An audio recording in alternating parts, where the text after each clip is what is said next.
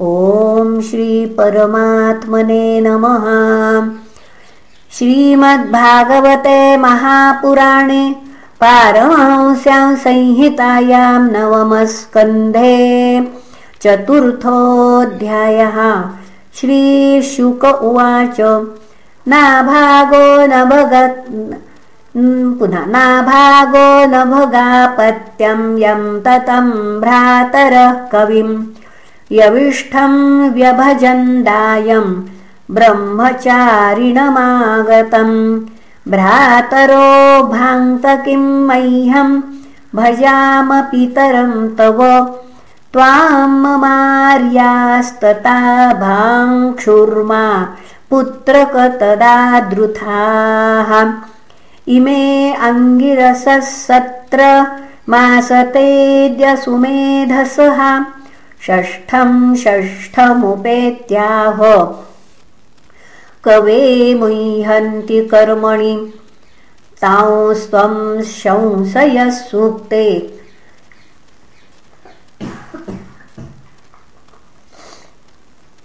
द्वे वैश्वदेवे महात्मनः ये स्वर्यन्तो धनं सत्रो परिशेषितमात्मनः दास्यन्ति तेऽथ तान् गच्छ तथा स कृतवान् यथा। तस्मै दत्त्वा ययुस्वर्गं ते सत्र परिशेषितं तं कश्चित् स्वीकरिष्यन्तं पुरुषं कृष्णदर्शनः। उवाचोत्तरतो भेत्य ममेदं वास्तुकं वसु ममेदमृषिभिर्दत्तमिति तर्हि स्मदमानवः। स्यान्नौ ते पितरि प्रश्न पृष्ठवान् पितरं तथा। यज्ञवास्तु गतं सर्वमुच्चिष्टमृषयः क्वचित्। चक्रुर्विभागं रुद्राय सदेवः सर्वमर्हतिम् नाभागस्त्वं प्रणम्याह तवेश किल वास्तुकम् इत्याह मे पिता ब्रह्मन् शिरसा त्वां प्रसादये यत्ते पिता वदद्धर्मं त्वं च सत्यं प्रभाषसे। ददामि ते मन्त्रदृशे ज्ञानं ब्रह्म सनातनम् गृहाणद्रविणं दत्तं मत्सत्रे परिवे परिशे पुनः परिशेषितम्। इत्युक्त्वान्तर्हितो रुद्रो भगवान् सत्यवत्सलः। य एतत् संस्मरेत् प्रात सायं च सुसमाहितः कविर्भवति मन्त्रज्ञो गतिं चैव तथात्मनः। नाभागादम्बरीशो भून्महाभागवतः कृति। नास्पृशद्ब्रह्मशापोऽपि यन्न प्रतिहतः क्वचित्। राजोवाच। भगवच्छ्रोतृमिच्छामि राजर्षेस्तस्य धीमतः। न प्राभूर्यत्र निर्मुक्तो ब्रह्मदण्डो दुरत्ययः।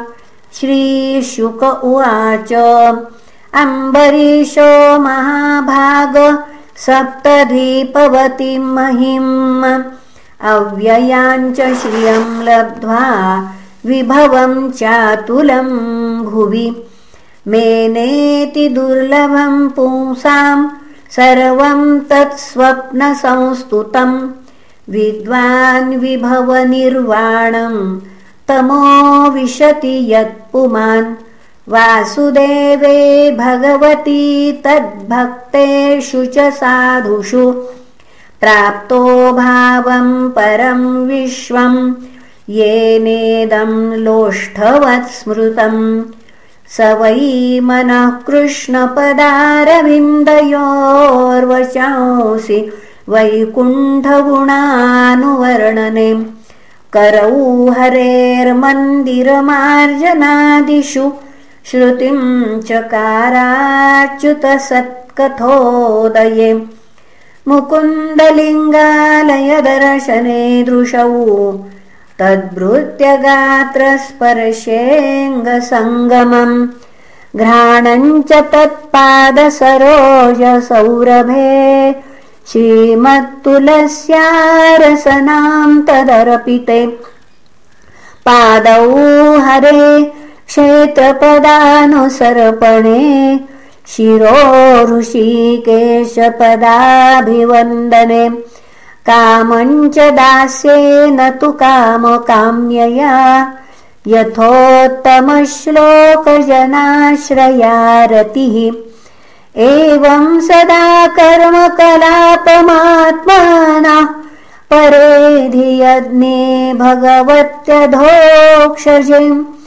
सर्वात्मभावं विदधन्महीमिमाम् तन्निष्ठभिप्राभिहितशशासः ईजेष्वमेधैरधियज्ञमीश्वरम् महाविभूत्योपचिताङ्गदक्षिणैः। ततैर्वसिष्ठासितगौतमादिभिर्धन्वन्य विस्त्रोतमसौ सरस्वतीम् यस्य क्रतुषु गीर्वाणै सदस्यारुत्विजोजनाः तुल्यरूपाश्चानिमिषा व्यदृशन्त सुवाससः स्वर्गो न प्रार्थितो यस्य मनुजैरमरप्रियः। शृण्वद्भिरुपगायद्भिरुत्तमश्लोकचेष्टितम् समृद्धयन्ति। पुनः समर्धयन्ति तान् कामास्वाराज्यपरिभाविताः। दुर्लभानापि सिद्धानां मुकुन्दं हृदि पश्यतः। स इत्थं भक्तियोगेन तपोयुक्तेन पार्थिवः। स्वधर्मेण हरिं प्रीणन् सङ्गान् सर्वान् शनैर्जहौ। गृहेषु दारेषु सुतेषु बन्धुषु द्विपोत्तमस्यन्दनवाजिपत्तिषु अक्षय्यरत्नाभरणायुधादिष्वनन्त कोशेष्वकरोदसन्मतिम्। तस्मा अदाद्धरिश्चक्रम् प्रत्यनीकभयावहम् एकान्तभक्तिभावेन प्रीतो भृत्याभिरक्षणम् आरिराधयिषुः कृष्णम् महिष्यातुल्यशीलया युक्तः संवत्सरम् वीरो दधारद्वादशी व्रतम् व्रतान्ते कार्तिके मासी त्रिरात्रम् समुपोषितः। स्नातः कदाचित् कालिन्द्याम् हरिम् मधुवनेऽर्चयत्। महाभिषेकविधिना सर्वोपस्करसम्पदा। अभिषिच्याम्बराकल्पैर्गन्धमाल्यार्हणादिभिः तद्गतान्तरभावेन पूजयामास केशवम्।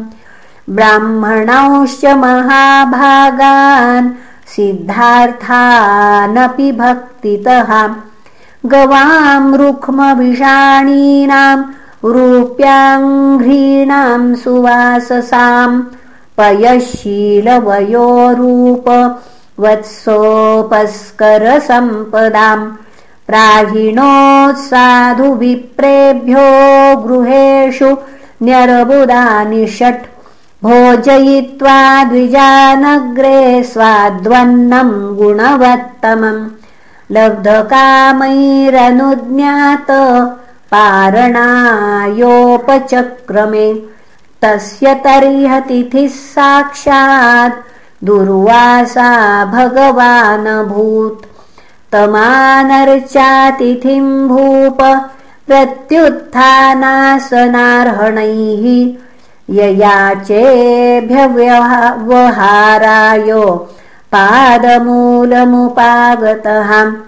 प्रतिनन्द्य स तद्याञ्चां कर्तुमावश्यकं गतः निममज्ज बृहध्यायन् कालिन्दी सलिले शुभे मुहूर्तार्धावशिष्ठायां द्वादश्यां पारणं प्रति चिन्तयामास धर्मज्ञो द्विजैस्तद्धर्मसङ्कटे। ब्राह्मणातिक्रमे दोषो द्वादशां यदपारणे यत्कृत्वा साधु मे भूयादधर्मो वा न मां स्पृशेत् अम्बसा केवलेनाथो करिष्ये व्रतपारणम् प्राहुरब्ध पुनः प्राहुरभक्षणं विप्राशशितं नाशितञ्च यत्तत्। इत्यपः प्राश्य राजर्षिर्चिन्तयन्मनसाच्युतम् प्रत्यचष्टकुरुश्रेष्ठो द्विजागमनमेव सहाम् दुर्वासायमुनाकूलात् कृतावश्यक आगतः। राज्ञाभिनन्दितस्तस्य बुबुधे चेष्टितं धियाम् मन्युना प्रचयद्गातृ भ्रुकुटीकुटिलाननः। बुभुक्षितश्च सुतरां कृताञ्जलिमभाषत। अहो अस्य नृशंस्यस्य श्रियोन्मत्तस्य पश्यत।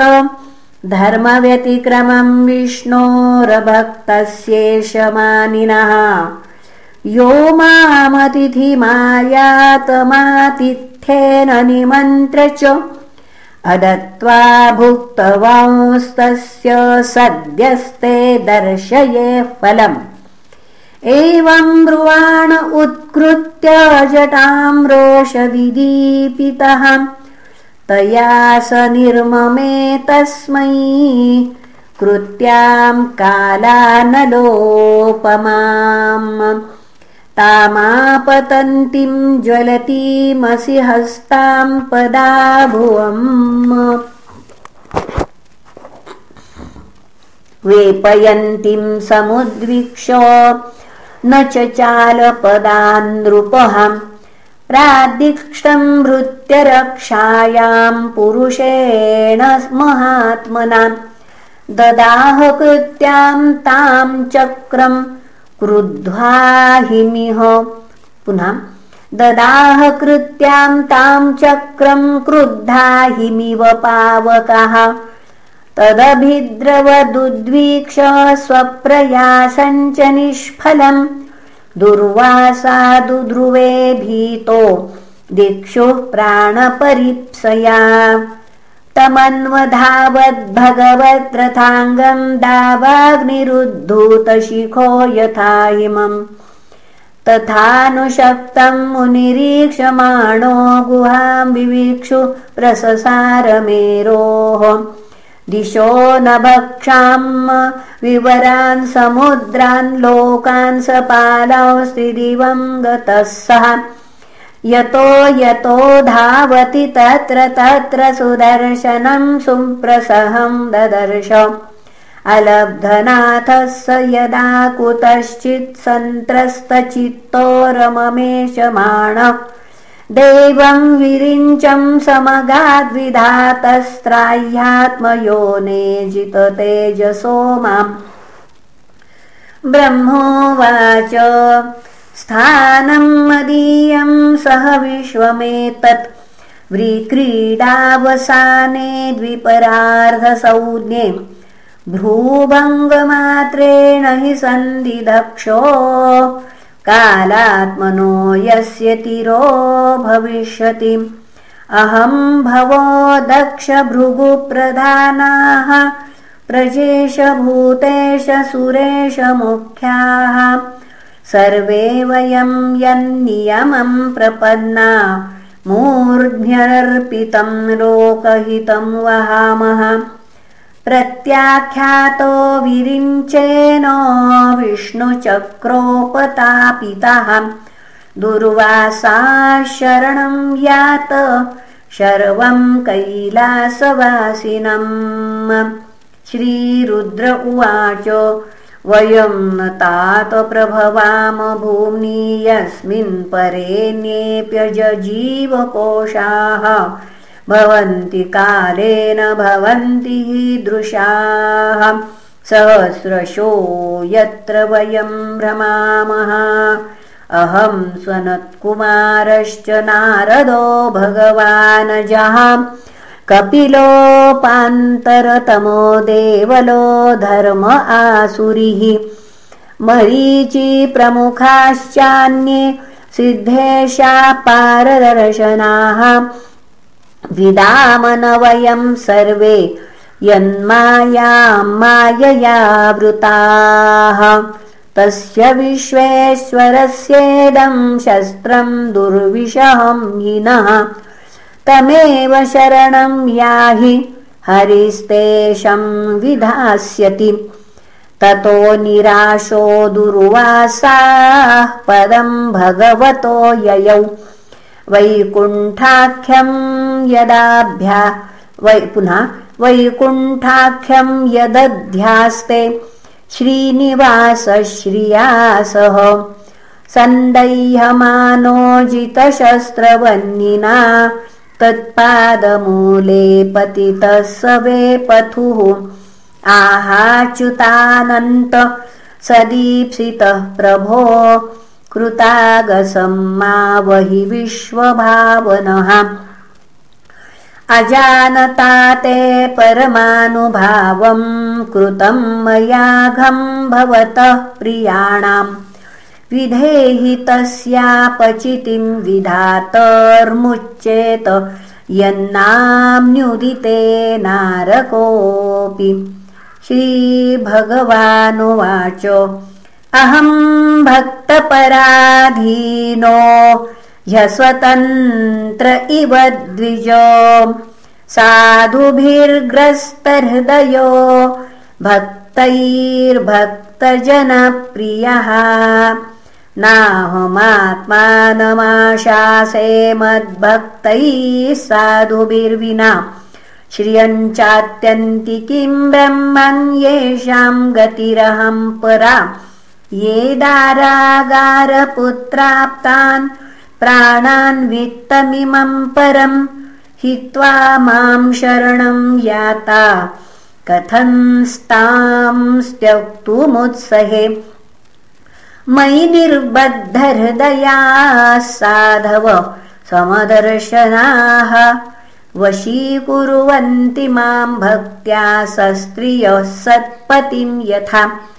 मत्सेवया प्रतीतञ्च सालोक्यादिचतुष्टयम् नेच्छन्ति सेवया पूर्णा। कुतोऽन्यत्कालविद्रुतम् साधवो हृदयं मह्यं साधूनां हृदयं त्वहं। मदन्यत्ते न जानन्ति नाहं तेभ्यो मनागपि।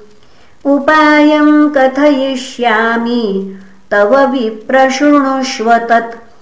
अयं ह्यात्माभिचारस्ते यतस्त्वम् यातु वै भवान्। साधुषु प्रहितं तेज प्रहतु कुरुते शिवम्। तपो विद्या च विप्राणां निःश्रेयसकरे उभे। ते एव दुर्मिनी कल्पेते कर्तुरन्यथा।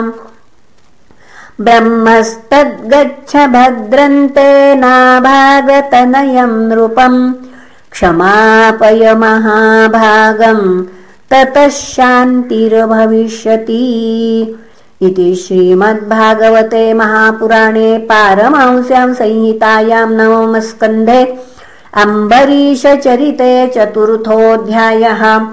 श्रीकृष्णार्पणमस्तु। हरये नमः हरये नमः हरये नमः